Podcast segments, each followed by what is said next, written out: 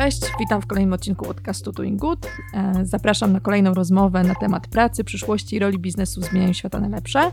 Dzisiaj ze mną jest Marysia Gębarzewska-Trułąg, która działa w e, Fundacji Efektywny Altruizm, więc opowie nam o tym, czym właściwie efektywny altruizm się zajmuje i czym zajmuje się w Polsce.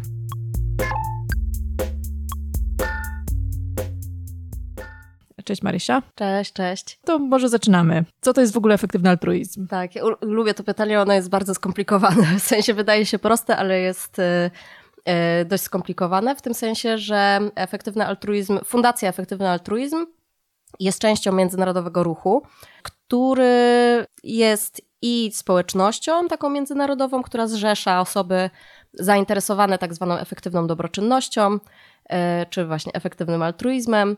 E, jest też e, w ramach efektywnego altruizmu jest też dużo różnych organizacji, które się zajmują różnymi obszarami. E, natomiast to, co my tu robimy w Polsce, to można to opisać najprościej jako budowanie efektywnego altruizmu w Polsce, czyli promujemy tą ideę, też staramy się mm, zrzeszać tą polską społeczność i wspierać ich, no się spotykamy, ale też wspierać ich na przykład w planowaniu właśnie chociażby kariery. To skąd w ogóle wziął się efektywny altruizm? Co do tego też jest, też jest dużo um, dyskusji. Natomiast efektywny altruizm już od y, ponad 10 lat funkcjonuje, natomiast jest to dość młody ruch. E, na pewno jako takiego ojca, który no rozpoczął, powiedzmy, że dał taką iskierkę dla powstania efektywnego altruizmu jest Peter Singer i jego esej z, nie pamiętam dokładnie którego, 70 któregoś roku, Natomiast e, same powstanie ruchu między innymi e, zawdzięcza się Williamowi McCaskillowi, to jest też e, filozof, taki dość młody, Toby Ord i inne osoby. Natomiast, tak jak mówię, to też jest tak, że ten efektywny altruizm, on trochę powstawał w różnych miejscach, natomiast to oni pierwsi uformowali taką organizację, która, która no jest formalnie, formalnie no taką pierwszą podstawową organizacją formalną efektywnego altruizmu. Więc na czym polega efektywność w tym efektywnym altruizmie? Ja lubię o tym myśleć trochę jak takie evidence-based charity. W tym sensie, że to jest z jednej strony opieranie się na właśnie altruizmie, takim wykorzystaniem moralności czy, czy tej chęci niesienia dobra, ale z drugiej strony też na takim e, podejściu trochę naukowym, na badaniu efektywności, właśnie sprawdzaniu, czy różne interwencje faktycznie są efektywne i jak są efektywne, Mm, i które mogą y, być bardziej efektywne niż inne. Dlatego, że tutaj jest takim podstawowym założeniem to, że mamy ograniczone y, po prostu możliwości i jeśli y, ktoś chciałby wykorzystać maksymalnie, czy no przynajmniej zwiększać tą ilość niesionej pomocy, no to to, co daje efektywny altruizm, to trochę odpowiedź na to, w którą stronę może przekierować jakby tą swoją energię na bardzo różnych płaszczyznach, czy na bardzo różnych działaniach, powiedzmy. E, więc powiedziałabyś, że to będzie opierało się zarówno na porównywaniu e, kilku różnych, powiedzmy, interwencji w ramach jednego obszaru, ale z drugiej strony są też obszary, które uważa się za bardziej skuteczne od innych. Mhm. Tak, tak, tak, dokładnie. I one się też zmieniają. I myślę, że najlepiej będzie może opowiedzieć o kilku tak, bo efektywny altruizm to są i zarówno obszary, ale też są różne organizacje, tak jak wspomniałam. Są też takie organizacje, które zajmują się tak zwane, mm, takie typowo badawcze, których zadaniem jest właśnie sprawdzanie czy badanie tego, które obszary mogą być szczególnie mm, dobre do zajęcia się. I tutaj się y, zazwyczaj stosuje taką zasadę, y, gdzie zastanawiając się nad tym, jaka, jaka interwencja, jaki obszar może być szczególnie taki zachęcający czy warty przyjrzenia się, e, wykorzystuje się taka, takie trzy, taką zasadę, e, żeby patrzeć na to z trzech perspektyw. To znaczy, z jednej strony patrzeć na skalę, to znaczy, jak dużo istot może skorzystać i ich dobrostan może się podnieść. E, jak dużo, mm, bądź jak dużo można tego dobra, dobra, zrobić. E, druga rzecz to jest zaniedbanie, czyli czy jest dużo na przykład już środków i uwagi włożonych w rozwiązywanie tego problemu. No i trzeci to jest, czy w ogóle jest możliwe rozwiązanie tego problemu, czy on jest, jest y, są jakieś interwencje na przykład, które są może dość łatwe do wdrożenia i problem jest w całkiem łatwy, w łatwy sposób. Czyli idealnie szukalibyśmy takich tematów, e, na które do tej pory nikt za bardzo nie zwrócił uwagi, ale jest tam duża na przykład skala cierpienia albo duży mhm. obszar do poprawy i jednocześnie ktoś już wpadł na to, co możemy w ogóle zrobić. Tak, tak. To jest taki idealny, bym powiedziała, obszar. I w związku z tym, właśnie przykładając tą skalę, efektywny altruizm proponuje różne obszary, które są warte e, zainteresowania i które mogą być właśnie dość istotne, e, patrząc na to z tej perspektywy. Jednym z takich e, obszarów jest chociażby mm, są zwierzęta hodowlane które, gdzie jak się przyjrzymy tej, właśnie tej zasadzie, no to skala jest olbrzymia.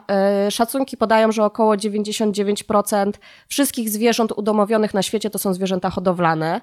E, jeśli weźmiemy pod uwagę i te lądowe, i, e, i morskie.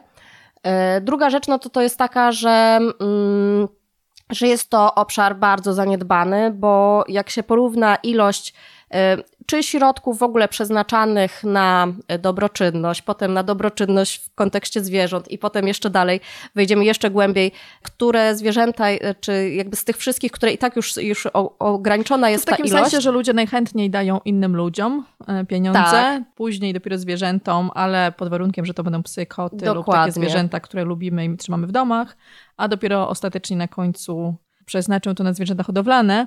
I paradoksalnie nawet tutaj będzie taki podział, że pewnie chętniej dadzą darowizny na przykład na ratowanie lisów czy norek niż ryb, e, których znowu Dokładnie. jest więcej więcej, no bo, no bo jakby e, chyba problemem, problem, który zawsze się pojawia jest to, że nasza empatia w naturalny sposób szuka najbliższych nam. Tak. E, I myślę, że znaczy tak, to będziemy widzieć przy zwierzętach, ale będziemy to nawet widzieć przy pomocy humanitarnej. W takim mhm. sensie, że im to, to ja mam wrażenie, że to też zawsze wywołuje takie duże dyskusje w mediach, że chętniej pomagamy blisko e, niż e, powiedzmy ludziom kulturowo czy, czy, czy jakoś tam in, e, odmiennym od nas.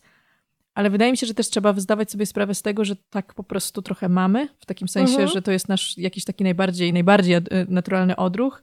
No więc zakładam, że to, czym się efektywny altruizm trochę zajmuje, to dla mnie trochę, to dla mnie w jakimś tam sensie przypomina mm, ten, to podejście do myślenia, gdzie mhm. mamy ten system one i system two i trochę chodzi o to, że większość naszego altruizmu opiera się właśnie na takim na odruchach, a teraz próbujemy jednak ludziom pod, podsunąć refleksję też w to tak. włożoną.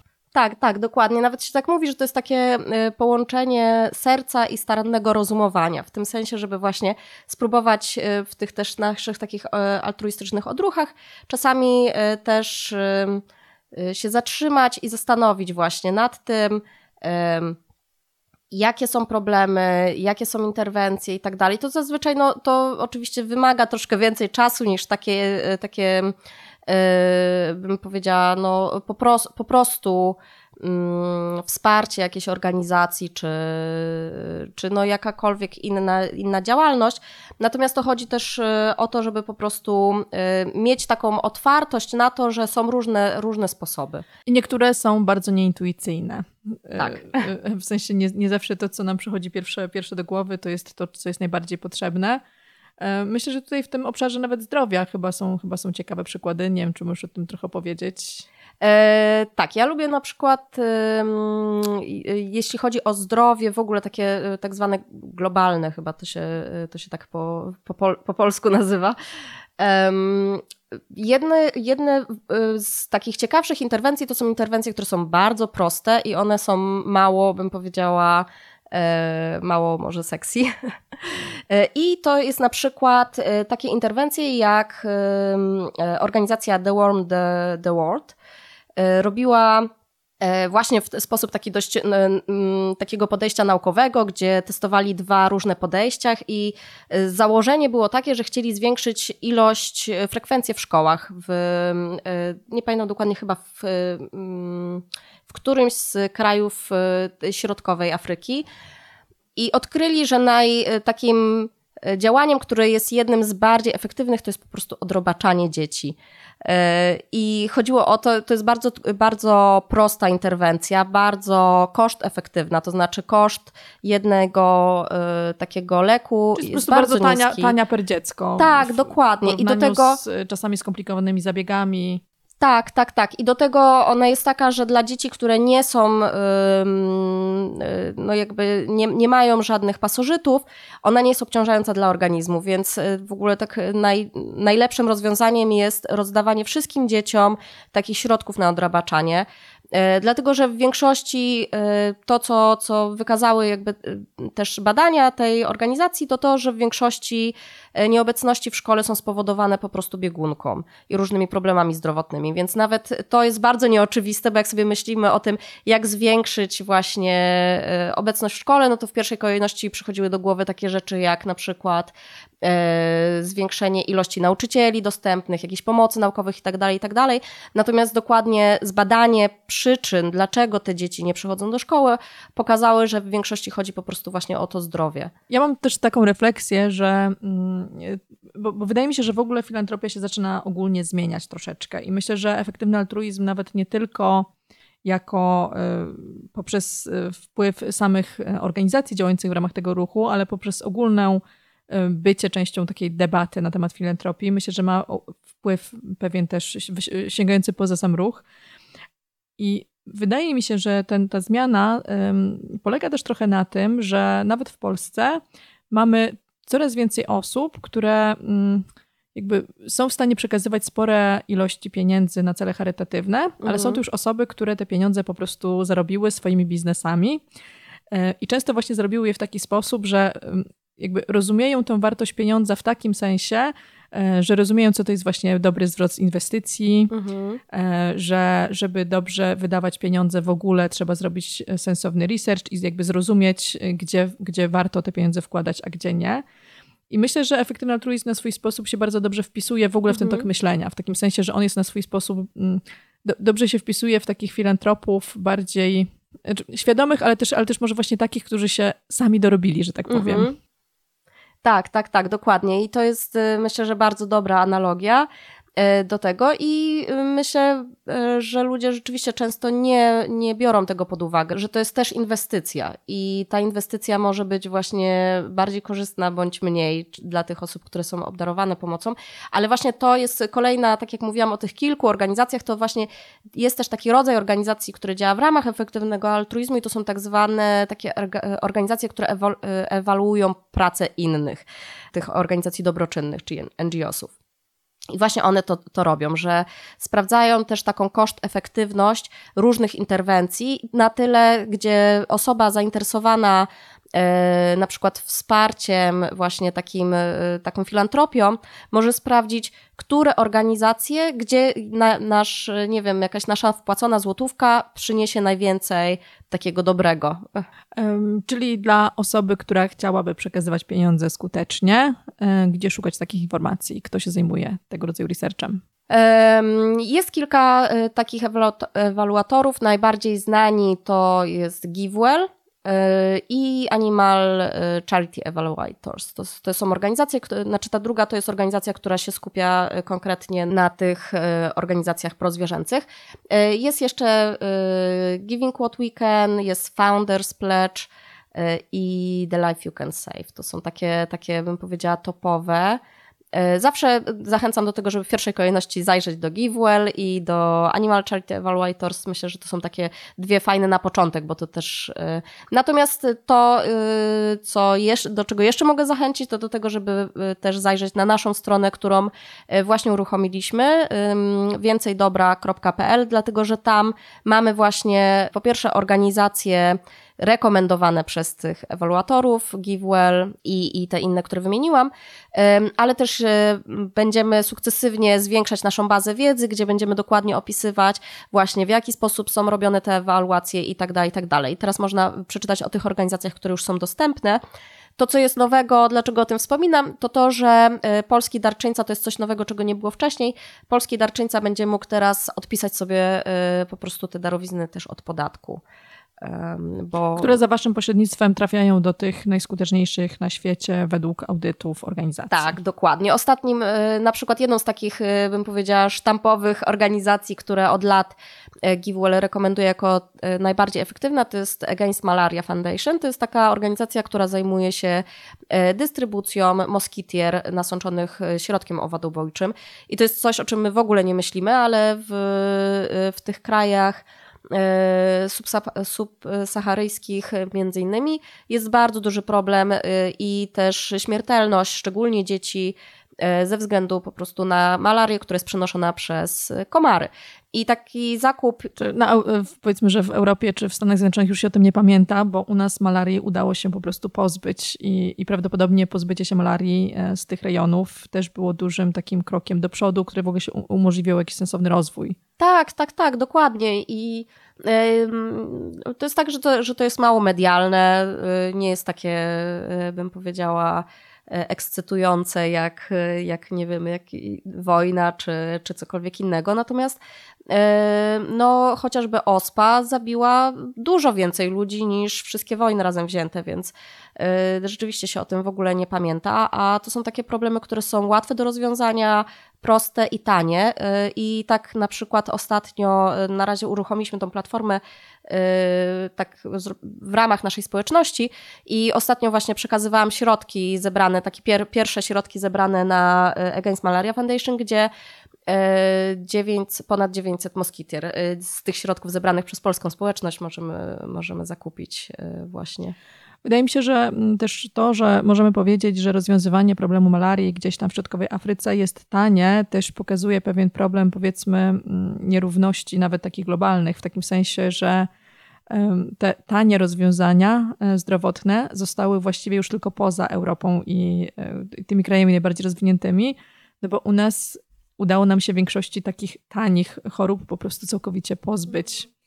E, a z drugiej strony mm, musimy też mieć świadomość, że Mm, przynajmniej część krajów globalnego południa nie ma takich zasobów, żeby samodzielnie się jakby na przykład całkowicie pozbyć malarii, więc mhm. E, tutaj to wsparcie z północy, e, bogatszej północy będzie zawsze potrzebne, albo przynajmniej no, dopóki nie uda się trochę wyrównać tej sytuacji. Mhm, tak, dokładnie. I e, też dla mnie jest ciekawe to, że w ogóle szacunki co do tego, ile jest przez, przez, przekazywane na taką pomoc zagraniczną, jest zaburzony, bym powiedziała. Znaczy wszystkim się wydaje, że, wydają, że kraje wydają za dużo na pomoc zagraniczną, tak, podczas gdy jest to z reguły e, ułamek tego, co wydają na pomoc lokalnie. Tak, tak, tak. I w ogóle takie były szacunki, e, chociażby jeśli chodzi o Stany Zjednoczone. E, w ogóle rekomendacja ONZ-u jest taka, żeby 0,7% rocznego PKB było przekazywane na na te organizacje, znaczy na właśnie takie wsparcie e, zagraniczne. E, I wiel, wiele krajów, w tym Stany Zjednoczone, nie przekazują nawet tyle, nie przekazują nawet 70. O ile dobrze pamiętam, Polska chyba przekazuje 4, e, znaczy 0,4%. Stany też coś koło tego. Y, natomiast y, jak przeprowadzali badanie wśród społeczeństwa, no to y, społeczeństwo amerykańskie zakładało, że około 20% tego PKB idzie na właśnie takie wsparcie pomocy zagranicznej. I tam oni nawet robili takie szacunki, że razem z tym, co prywatne osoby przekazują na to wsparcie, to to dalej nawet chyba nie jest 0,7, o ile dobrze pamiętam. Te dane dokładnie były właśnie opisane bardzo ciekawie w książce i to chyba w nowym wydaniu The Life You Can Safe, czyli Życie, które może, możesz ocalić, Petera Singera. Bardzo, bardzo, bardzo ciekawe te, te wszystkie przykłady. Ta książka wyszła po polsku? E, pierwsze wydanie tak, jeśli chodzi o drugie, to ono jest w trakcie tłumaczenia, więc mam nadzieję, że e, no, w przyszłym roku będziemy w stanie już. A czy wiesz w takim razie może, jak to wygląda, jeżeli chodzi o polskich darczyńców, e, przynajmniej z waszej, z waszej perspektywy? Bo skoro, skoro mówisz, że jesteście w stanie już jakieś tam pieniądze przekazywać mm -hmm. też na przykład na wsparcie walki z malarią, to kto jest takim polskim darczyńcą efektywnego altruizmu? Na chwilę obecną, mogę powiedzieć na chwilę obecną, no to rzeczywiście osoby, które już coś o efektywnym altruizmie słyszały i się dowiedziały, E, no natomiast e, docelowo planujemy taką szerszą promocję tego, żeby ludzie się dowiadywali właśnie o tych możliwościach, o tej efektywnej dobroczynności. Ale jakby to wyglądało pod kątem metryczki? Nie wiem, w jakim wieku mhm. to są osoby, e, jak, jak, jak ta społeczność, szczególnie od strony darczyńców, wygląda teraz? Teraz właśnie się tak zawiesiłam, dlatego że mam, że mam trochę dylemat, dlatego żebym chciała właśnie przy tym zaraz jedną rzecz podkreślić. Mhm. Natomiast e, jeśli chodzi o polskich darczyńców, to jest mniej więcej między 25 a 40 e, lat. To jest, to jest e, tak mniej więcej. Czy powiedzmy osoby, sobie stosunkowo młode osoby. Stosunkowo młode osoby, tak, a dlatego powiedziałam, że się zawiesiłam, bo to jest rekomendacja między innymi takiej organizacji 80,000 Hours, którą ja bardzo polecam i rekomendacje i organizacje. Organizacja się zajmuje e, planowaniem, wsparciem w planowaniu kariery o pozytywnym wpływie i to jest właśnie jedna z organizacji w ramach efektywnego altruizmu. Mm, I oni rekomendują, żeby w pierwszej kolejności budować swoje zaplecze, e, taki swój tak zwany e, career capital, czyli taki kapitał zawodowy i nie rzucać się w pierwszej kolejności na tą filantropię.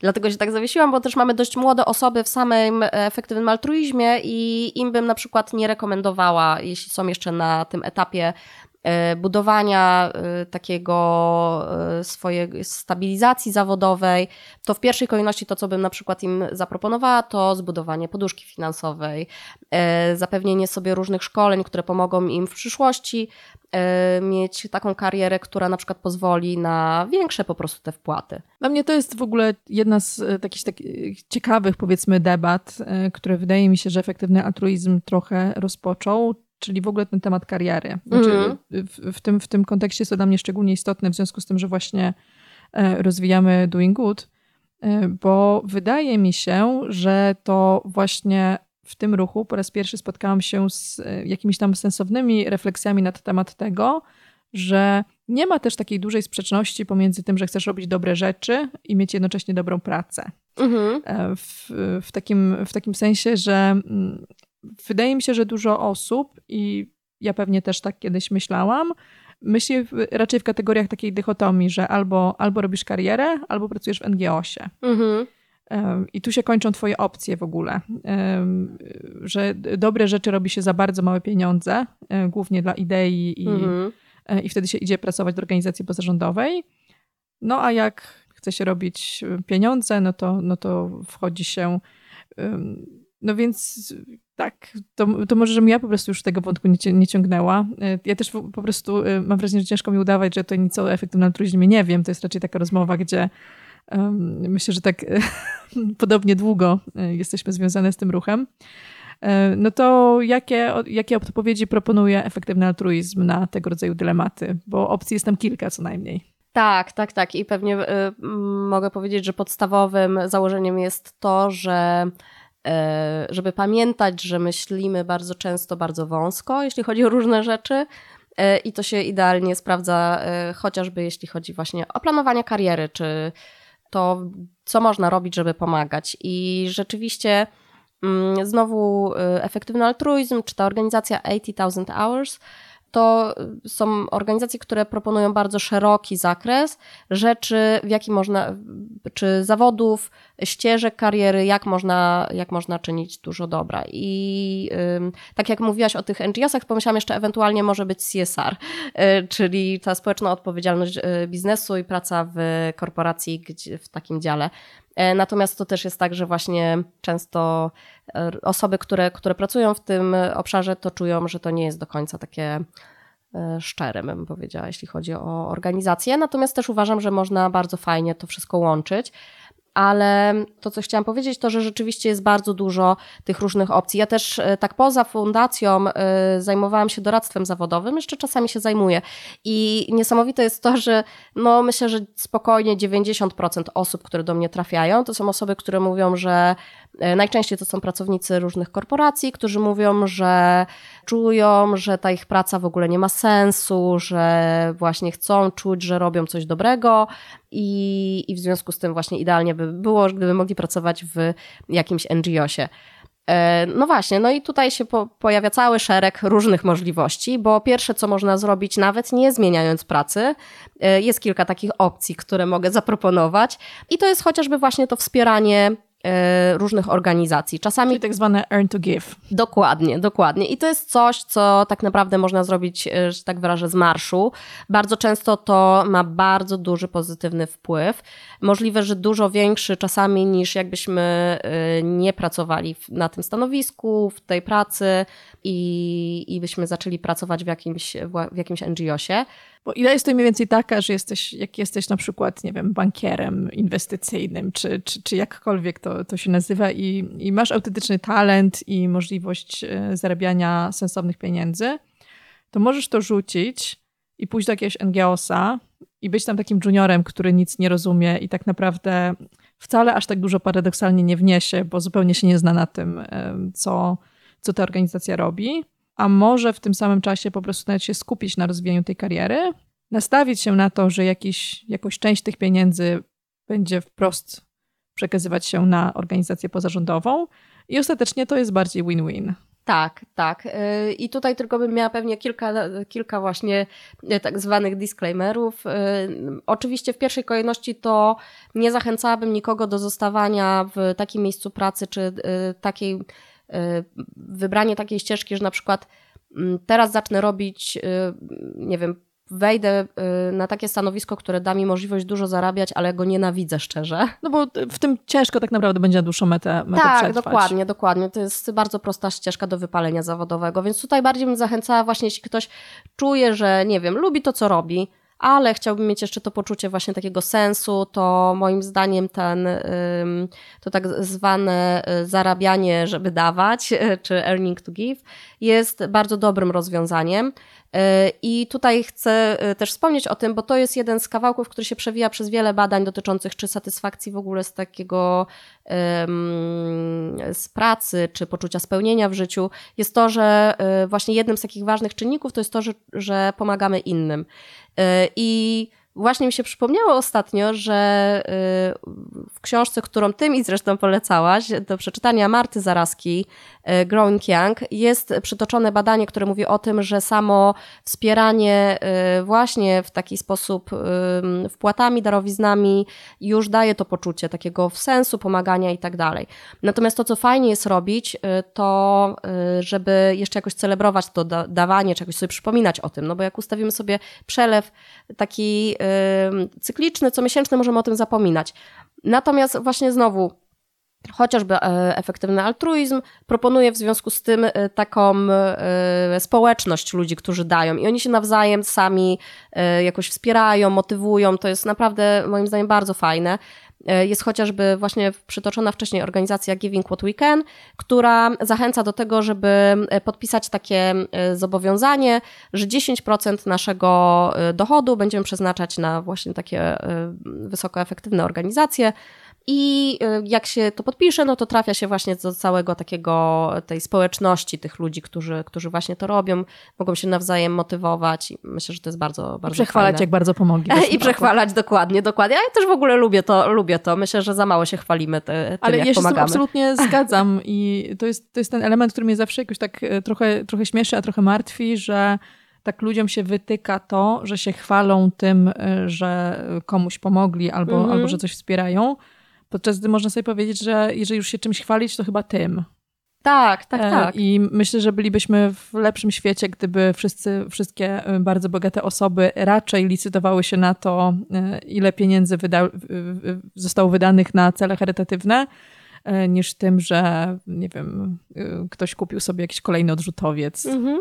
Tak, dokładnie. I myślę sobie teraz na przykład mamy mm, listopad to jest taki, taki czas, gdzie no, gdzie jest bardzo dużo wyprzedaży, z Black Friday i tak dalej i, yy, i się, no też to, co, co ja widzę, no to też takie yy, bardziej właśnie chwalenie, znaczy chwalenie, no tak, no pokazywanie co nowego mam fajnego, a na przykład takie pokazanie co fajnego, na jaką fajną organizację wpłaciłem ile kasy, moim zdaniem to była super, super promocja i bardzo bym dużo, bardzo bym chciała widzieć jak najwięcej takich rzeczy na, na Instagramie chociażby. No, mi się wydaje, że tutaj, przynajmniej jeżeli chodzi o kontekst polski, no to jakoś tam Rafał Brzoska się wybija tym, że mm, wydaje mi się, że jest jedną z takich pierwszych w Polsce osób, które faktycznie bardzo głośno zaczęło mówić o swojej filantropii. Oczywiście też mam poczucie, że to się spotyka z bardzo różnym odbiorem. Mm ale z drugiej strony wydaje mi się, że taka praca też jest właśnie ważna, w sensie, że ktoś musi mieć y, od czasu do czasu tą odwagę czasami robienia tych rzeczy trochę niepopularnych, mhm. E, wystawiania się być może na krytykę, e, żeby w Polsce ta y, w, ogóle podejście do filantropii się zmieniło, bo mam wrażenie, że jakby kolejnym problemem jest chyba u nas troszeczkę to, że Polacy nie zauważyli, że są bogaci. Tak, ojej, tak, dokładnie. Uwielbiam ten kawałek. I, I, że nie chodzi o to, że, e, że nie mamy takich firm e, jak firma, e, firma Brzoski, tylko mhm. że my jako społeczeństwo już generalnie jesteśmy społeczeństwem zamożnym, a, a myślimy dalej o, o, sobie jako o społeczeństwie na takim bardzo mocnym dorobku. Tak, tak, tak, tak.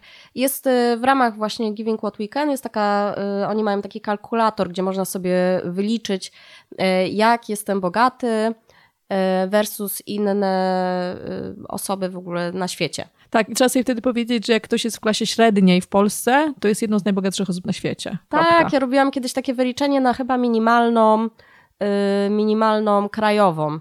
To było wprawdzie bodajże dwa lata temu, ale wiem, że z tego co pamiętam, to w mniej niż 5% najbogatszych ludzi na świecie jesteśmy wtedy przy minimalnej.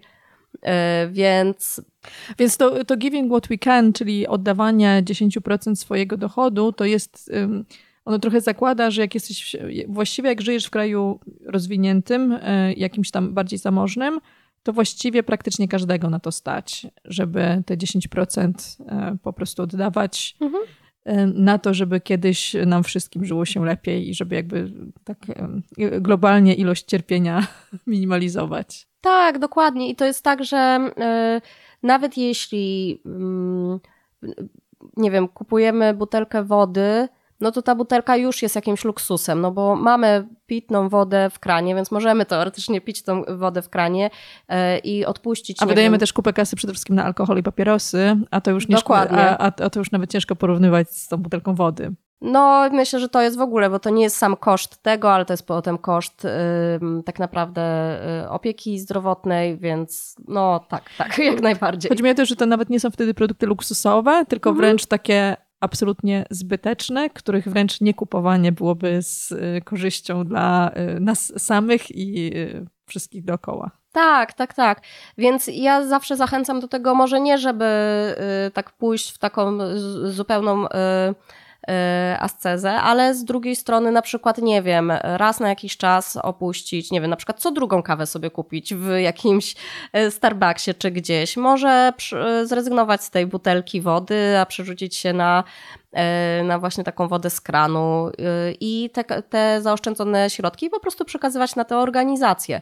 Więc chodzi mi o to, żeby to spróbować wpleść w swoje życie nie jakimś wielkim kosztem, ale tak naprawdę to moim zdaniem bardzo niewielkimi. E, Przy czym ten, to, o tym, o, to, o czym powiedziałaś, że mm, także nie, nie warto też może się całkowicie fiksować na mhm. tej skuteczności. Myślę, że to jest fajny element, i wydaje mi się, e, i myślę, że takie też było moje doświadczenie, że pewnym, pewną trudnością efektywnego altruizmu e, i taką autentyczną trudnością jest to, że mm, wydaje mi się, że jak ludzie trafiają do tego ruchu, to myślę, że łatwo też dojść do takiego poczucia, że właściwie um, prawie wszystko, co możesz robić, jest bez sensu i powinno się zamienić wręcz w taką maszynę do, do altruizmu. W takim sensie, że jeżeli zdajesz sobie sprawę z tego, zresztą e, takie są też w pewnym sensie zastrzeżenia do niektórych tez e, właśnie Singera, trochę mhm. na zasadzie, że jakby gdzie faktycznie jest granica tego, ile mam dawać i jak dużo mam poświęcać swojego życia na rzecz innych. I myślę, że to jest naprawdę trudny, trudny dylemat. Tak, to jest bardzo trudny dylemat i tak, i rzeczywiście właśnie ten esej, o którym wspominałam e, Petera Zingera, Singera, on się nazywał Famine, Affluence and Morality z 73, o ile dobrze pamiętam. On tam wręcz zakładał, że tyle, ile powinniśmy oddawać, to jest, żeby dojść do takiego momentu, już do takiej granicy, gdzie jakbyśmy dali jeszcze więcej, to byśmy byli w takiej samej sytuacji, jak ta osoba obdarowywana. Więc no to takie dość, bym powiedziała, ekstremalne podejście. E, natomiast no też... Ale trzeba sobie powiedzieć, że Peter Singer lubi e, eksplorować e, skrajne sytuacje, za co wiele razy mu się też PR-owo obrywało. Tak, dokładnie. Chociaż właśnie muszę powiedzieć, że ostatnio trafiłam na jego wykład w Google miał e, gdzieś, gdzie powiedział, że no, że to takie dość ekstremalne. On wtedy był też dużo młodszy. Wi wiadomo, że to sprzyja jednak. wtedy miał chyba dwadzieścia kilka lat, okay. więc możliwe, że trochę mu się... Wiele, wiele, wiele go to w takim razie tłumaczy. tak. Myślę, że to jest taki wiek, który bardzo sprzyja radykalnym poglądom. Tak, dokładnie.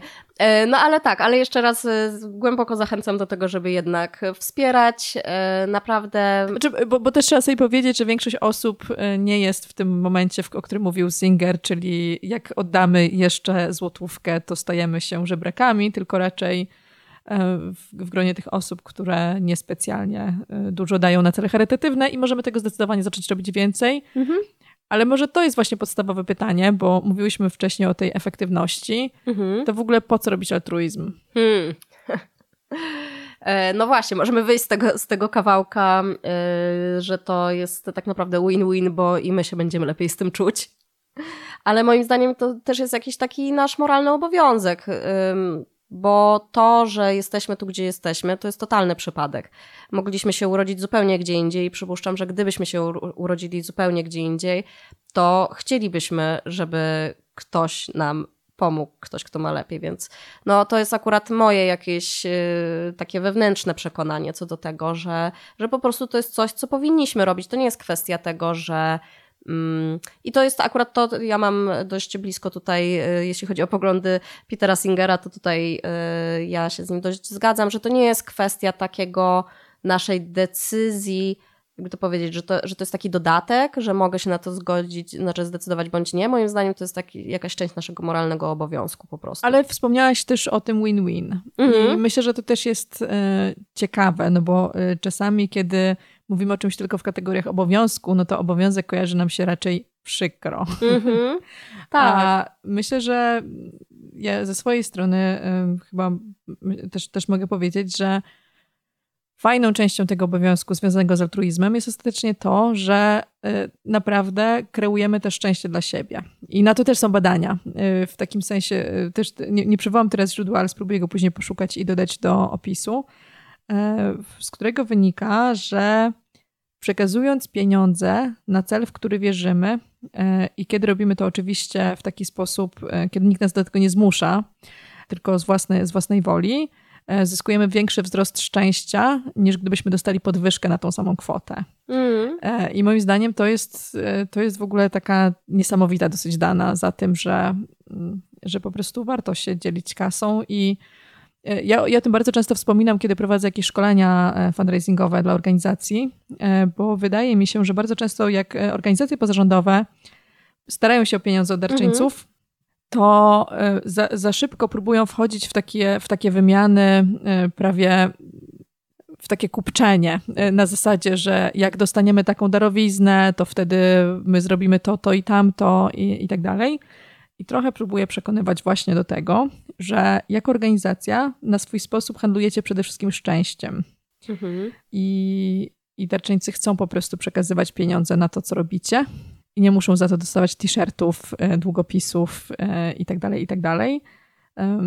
I, I żeby po prostu pamiętać, że na tej relacji organizacja i darczyńca to nie jest tak, że to jest takie żebractwo, w którym organizacja jest po prostu obdarowanym, jest jedyną stroną, która coś z tego ma, tylko darczyńca również coś z tego ma i to być może właśnie coś takiego, co, o czym się mówi, że ciężko kupić za pieniądze. E, więc, e, więc paradoksalnie to właśnie ta działalność powiedzmy NGO-sów, szczególnie skutecznych NGO-sów, to jest ten, e, no właśnie coś, o czym mówimy, że się za pieniądze nie da kupić, czyli kreowanie szczęścia. I dla mnie to jest jakiś taki super mocny przekaz, naprawdę. Bardzo mhm. się z nim identyfikuję i w niego wierzę. Tak, tak, tak. Ja się zgadzam i myślę, że nawet można sobie po prostu przywołać e, chociażby wielką. wielki sukces szlachetnej paczki e, albo wośpu, gdzie ten element taki emocjonalny, właśnie te, to uczucie, że pomagam, jest tak silne, że jeszcze bardziej chcę to robić. Czy w ogóle ten czas taki okołoświąteczny, gdzie ludzie po prostu, no właśnie tak otwierają serca i to, to pokazuje, jak, jak to jest silne. Wydaje mi się, że obie akcje też, o których wspomniałaś, one trochę łączą się z, z czymś innym, o czym mówiłaś wcześniej, czyli z tą potrzebą społeczności przy dawaniu. Mm. E, bo wydaje mi się, że ani WOŚP, ani Szlachetna Paczka nie działałyby tak dobrze, gdyby nie działały właśnie jednak w oparciu o to, że coś się dzieje, w sensie, że do, do, doznajemy pewnego takiego, że to jest taki kolektywny rytuał, tak. E, że robimy coś jako całe społeczeństwo właściwie. Mhm. Tak, tak, tak, jak najbardziej. Jak najbardziej myślę, że to jest w ogóle bardzo silny e, kawałek. Dlatego tak e, też przypuszczam, ten, ta społeczność efektywnego altruizmu tak się też mocno trzyma, mm, bo to no właśnie w tych momentach takich, jak wspomniałeś wcześniej, że e, czasami można dość ekstremalnie podejść do tego, efektywnego altruizmu i to może być ciężkie, to taka, e, no właśnie ta społeczność, ona pomaga nam raz, e, że jest takim buforem, ale też wspiera nas w tych momentach takiego, nie wiem, jakiegoś, jakiejś wątpliwości i tak dalej, więc no ja bardzo dużą wartość też z tego czerpię. Ale drugim wątkiem, też dotyczącym w sumie, e, w sumie pracy, jest e, to, że e, właśnie z jednej strony możemy zostawać w tych pracach, które nam dają strasznie dużo pieniędzy i po prostu oddawać część swoich dochodów na cele charytatywne, ale z drugiej pracy, z drugiej strony możemy też dokonywać wyborów zawodowych, mhm. właśnie kierując się jakby tym, tymi tematami związanymi z efektywnym altruizmem i jak wtedy to mogłoby wyglądać. E, tak, i tu jest bardzo szeroki zakres. I, I, oczywiście jedną z jest tak zwana taka bezpośrednia praca, e, która może być pracą w NGOsie, jak najbardziej. Ja nie przeczę, że to, że to nie, nie jest jakby ścieżka kariery, która, która jest możliwa, e, jest jak najbardziej, natomiast nie jedyna.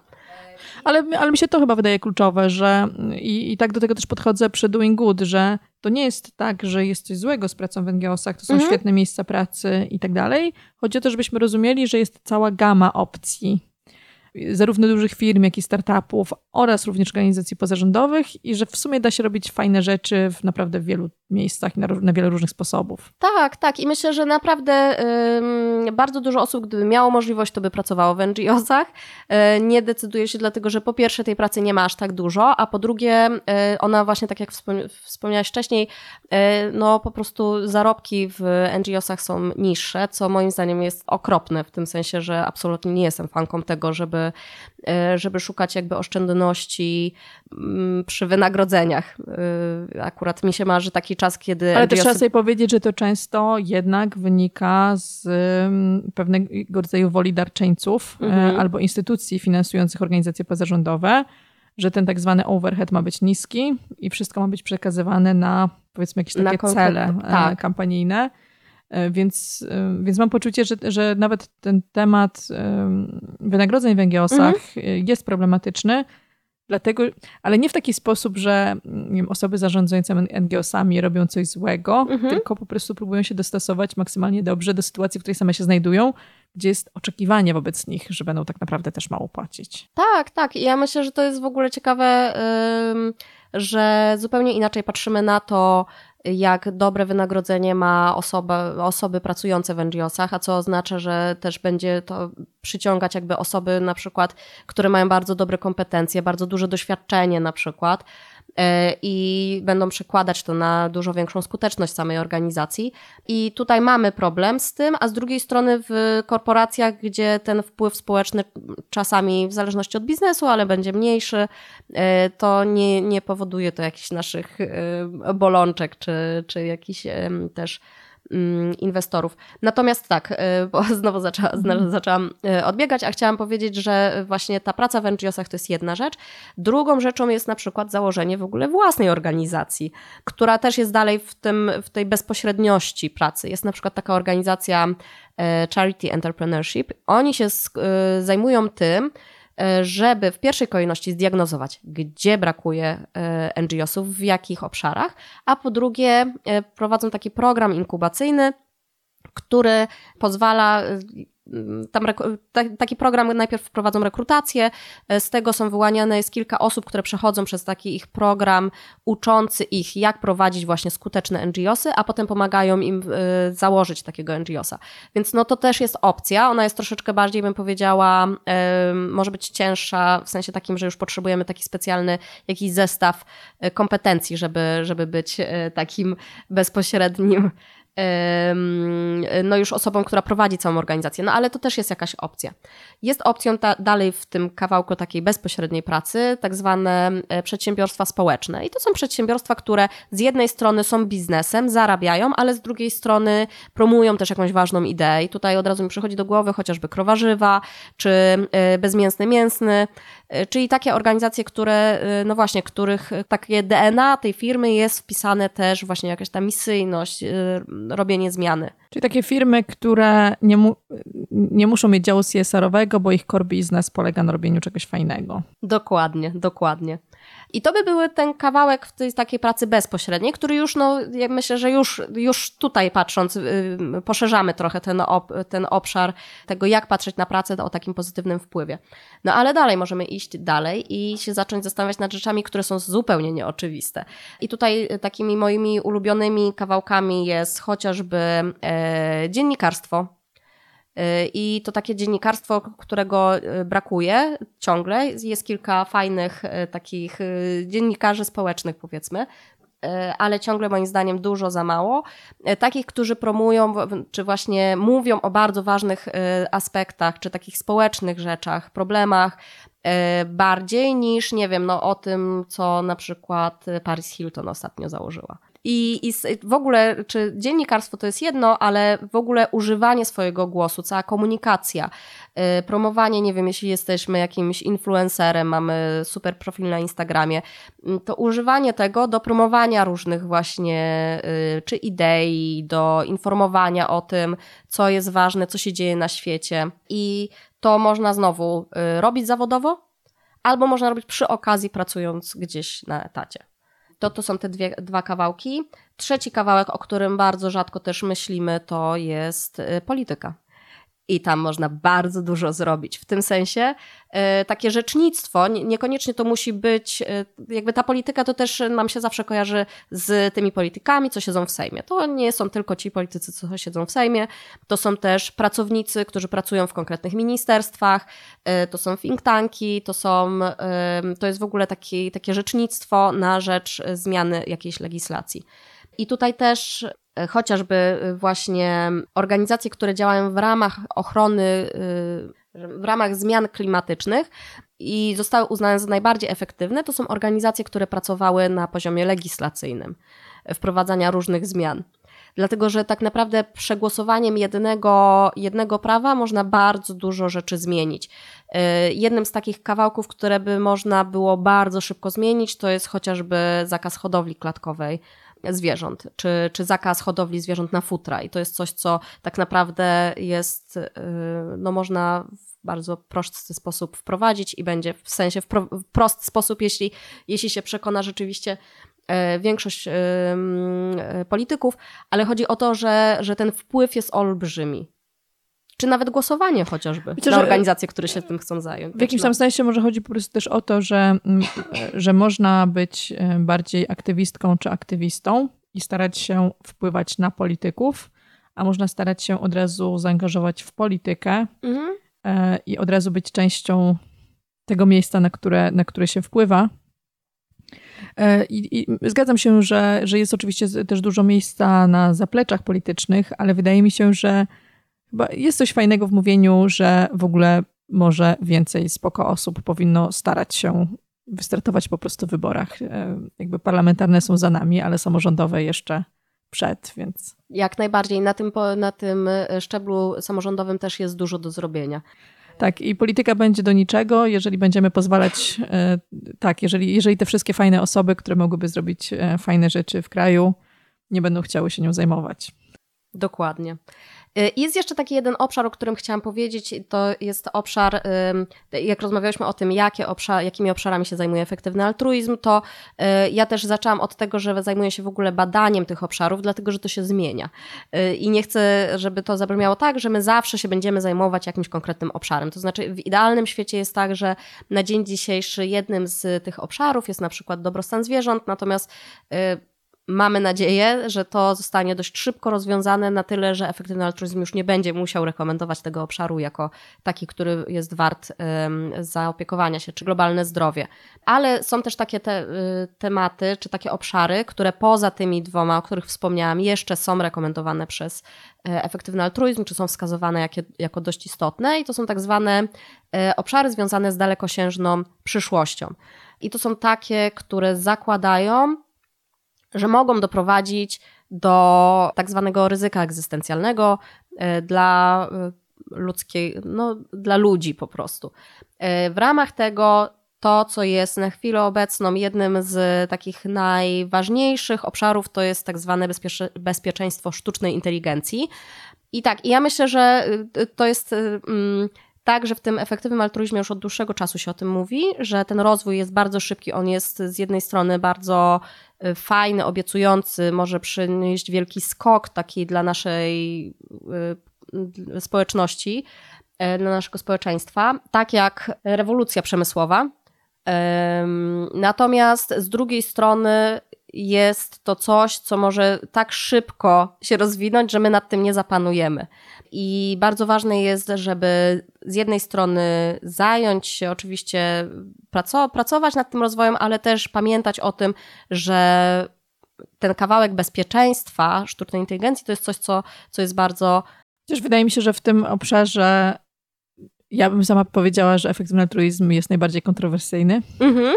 W takim sensie, że e, tak, od dawna się o tym mówi. E, myślę, że w dużym stopniu ze sprawą Elizera Jutkowskiego mhm. i Miri. Ale z drugiej strony, yy, tak, i, i Jutkowski jakby wprost już teraz przewiduje zagładę ludzkości generalnie w dosyć krótkim okresie czasu. Yy, słuchałam wywiadów z nim, więc one są bardzo ciekawe i dosyć, mhm. dosyć poruszające. No ale z drugiej strony chyba problem jest taki, że samo Miri, pomimo wydania lub przynajmniej przejęcia dużych ilości pieniędzy, niespecjalnie zaproponowały jakieś rozwiązania. Tak, tak. I myślę, że to jest właśnie to, to jest, bym powiedziała, taka Y, jak wrócimy do tej zasady, tych trzech założeń, to to jest taki, który jest na chwilę obecną pod względem rozwiązania. Nie mamy dobrego rozwiązania. To wydaje mi się, że w tym momencie jesteśmy w takiej, w takiej sytuacji, gdzie po pierwsze nie ma rozwiązań. Myślę, że mm -hmm. specjaliści się, nawet się, zgadza, się nie zgadzają co do tego, czy mamy tam problem, ale to, mm -hmm. już, mhm. to już jakby inny temat ale chyba on już nie jest też neglected, w takim sensie, mhm. że on mhm. już nie jest też zapomniany, no bo jeżeli nagle Elon Musk czy e, niektóre, nie wiem, kraje podpisują mhm. się pod tematem e, niebezpieczeństwa ze strony AI, bo chyba Włochy były jednym z takich mhm. pierwszych, które, które gdzieś tam zaczęły o tym mówić, no to ciężko mówić już o tym o, jako o temacie takim e, niedocenianym, powiedzmy, przez. E... Tak, ja myślę, że, że on rzeczywiście nabiera e, w ostatnich. E, Jak no, już wszyscy zaczęli używać czata GPT, to, to wszyscy zrozumieli. tak, dokładnie. W ostatnim, w ostatnim roku e, myślę, że tak mocno ten temat wypłynął.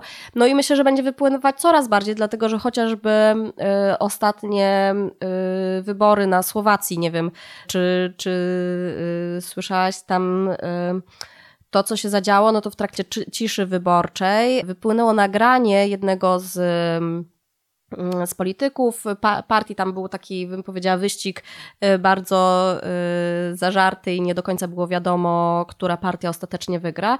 No i w trakcie ciszy wyborczej wypłynął, wypłynęło nagranie, y, gdzie właśnie polityk jednej z partii mówił bodajże o kupowaniu głosów czy coś takiego. No i ostatecznie ta partia przegrała. E, potem się okazało, że to było AI, w sensie takim, że to nie było prawdziwe to nagranie. Deepfake. Tak, tak, tak, dokładnie, że to nie było prawdziwe nagranie, był, y, po prostu zostało ono sfabrykowane na podstawie próbki głosu tego, tego polityka. Więc to pokazuje, że to nie jest tak, że to jest jakieś gdzieś w jakimś sci-fi, tylko że no to po prostu już zaczyna wpływać na nas już na, w, codzien, w codziennym życiu. Więc jesteś optymistką czy pesymistką, jeżeli chodzi o przyszłość i rolę sztucznej inteligencji w tym? E, ja chyba nie mam do końca jasno sprecyzowane. Znaczy, ja staram się być optymistką. O, może tak. Nie, nie jestem aż tak e, chyba pesymistyczna jak nie, niektóre osoby. E, rzeczywiście w efektywnym altruizmie. I to też e, właśnie chciałabym podkreślić. Czyli sztuczna inteligencja nie zamieni nas wszystkich wspinacze, przynajmniej w niedalekim czasie. miejmy nadzieję, miejmy nadzieję.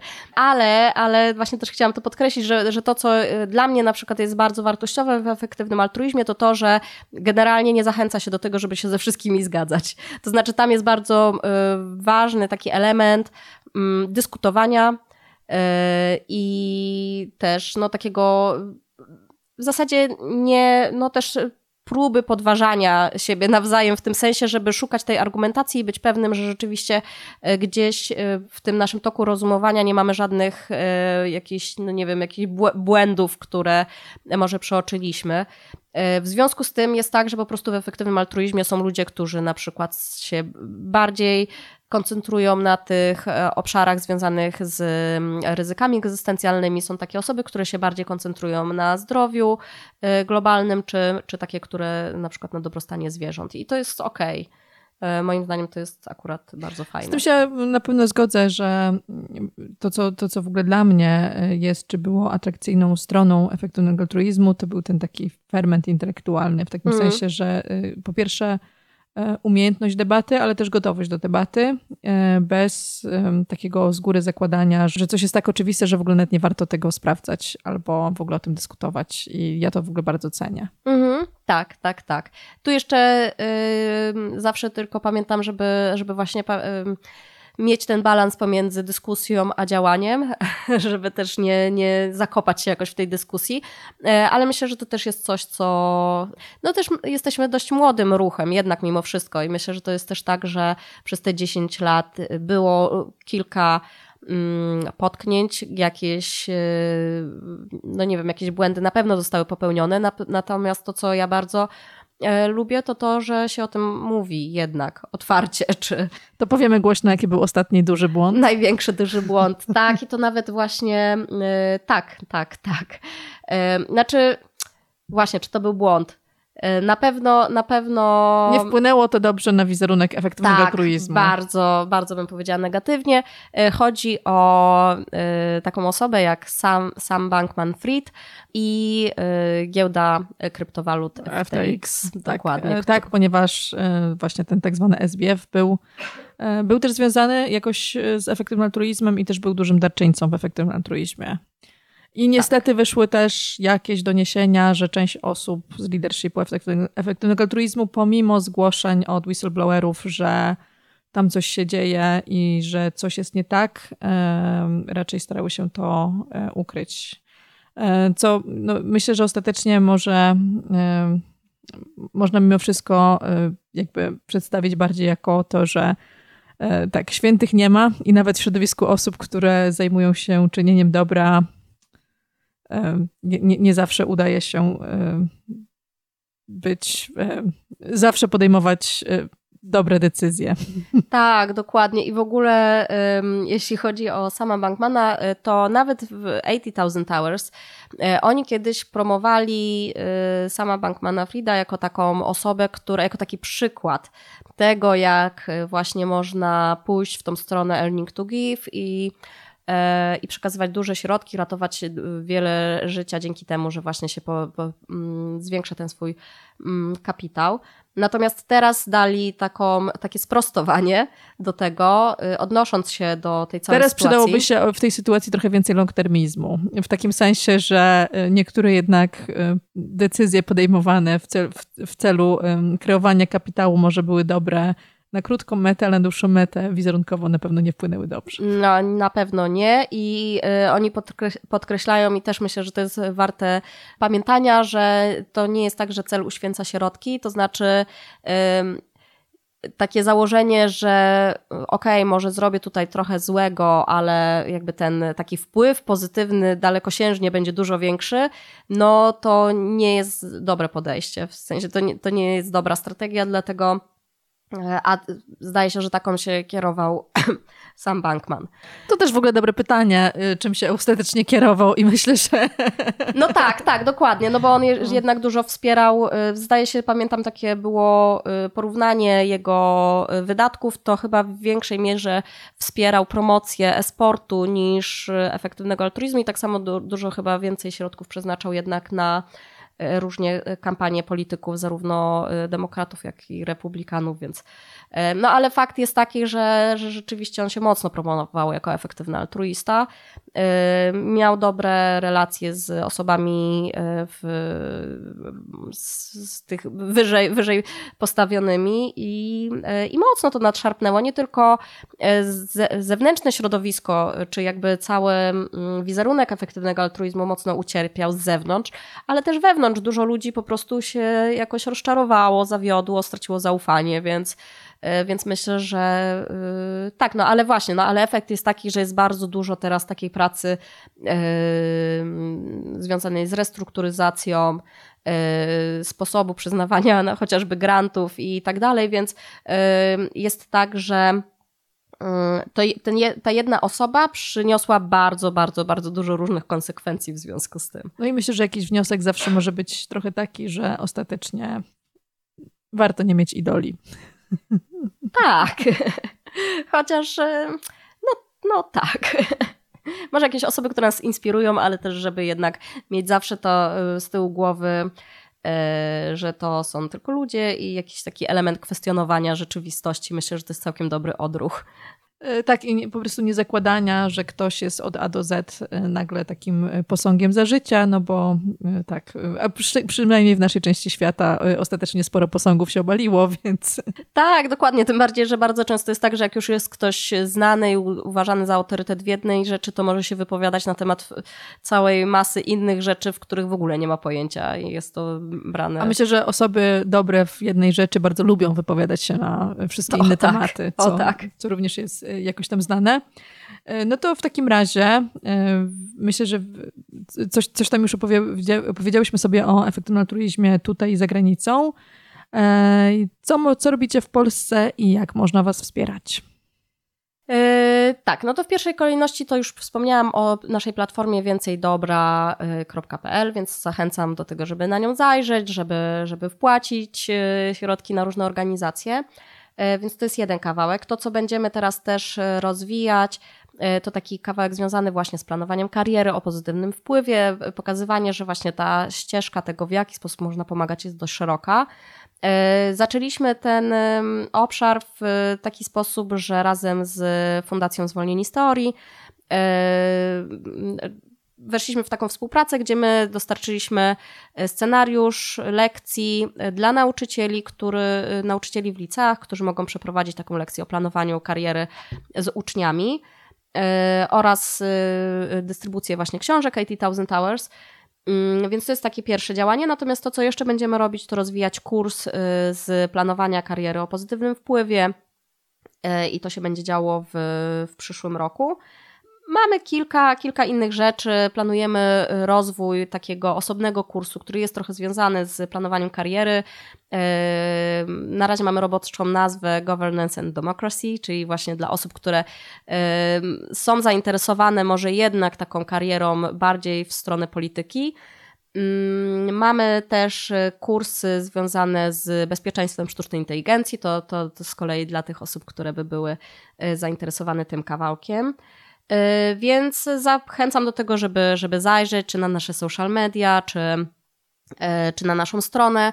No i oczywiście każde wsparcie jest mile widziane, mm, bo, bo mamy bardzo ambitne plany, no ale, ale z drugiej strony też y, wszystkie kursy są bezpłatne, nie chcemy tutaj ograniczać dostępu dla nikogo, a więc żebyśmy mogli dalej, dalej w taki sposób działać, no to jak najbardziej zachęcam do wspierania nas. Bo działacie w taki sposób, że nie wykonujecie pracy być może takiej bezpośredniej nad problemami, ale zakładacie, że dzięki waszej pracy więcej osób w ogóle zacznie się angażować w efektywny altruizm i na tym będzie polegał tak docelowo wasz impact. Tak, tak, tak, dokładnie. Dlatego tak jak y, na początku wspomniałam, że my się zajmujemy w zasadzie budowaniem efektywnego altruizmu w Polsce, no to o tyle ta nasza działalność naszej fundacji jest trochę inna niż działalność innych NGO-sów, że rzeczywiście my tej bezpośredniej pracy takiej w terenie powiedzmy y, nie wykonujemy, tylko bardziej zajmujemy się właśnie takim promowaniem y, tej idei i wspieraniem osób w wybieraniu takiej ścieżki efektywnej dobroczynności, która będzie najbardziej taka szyta na ich miarę powiedzmy.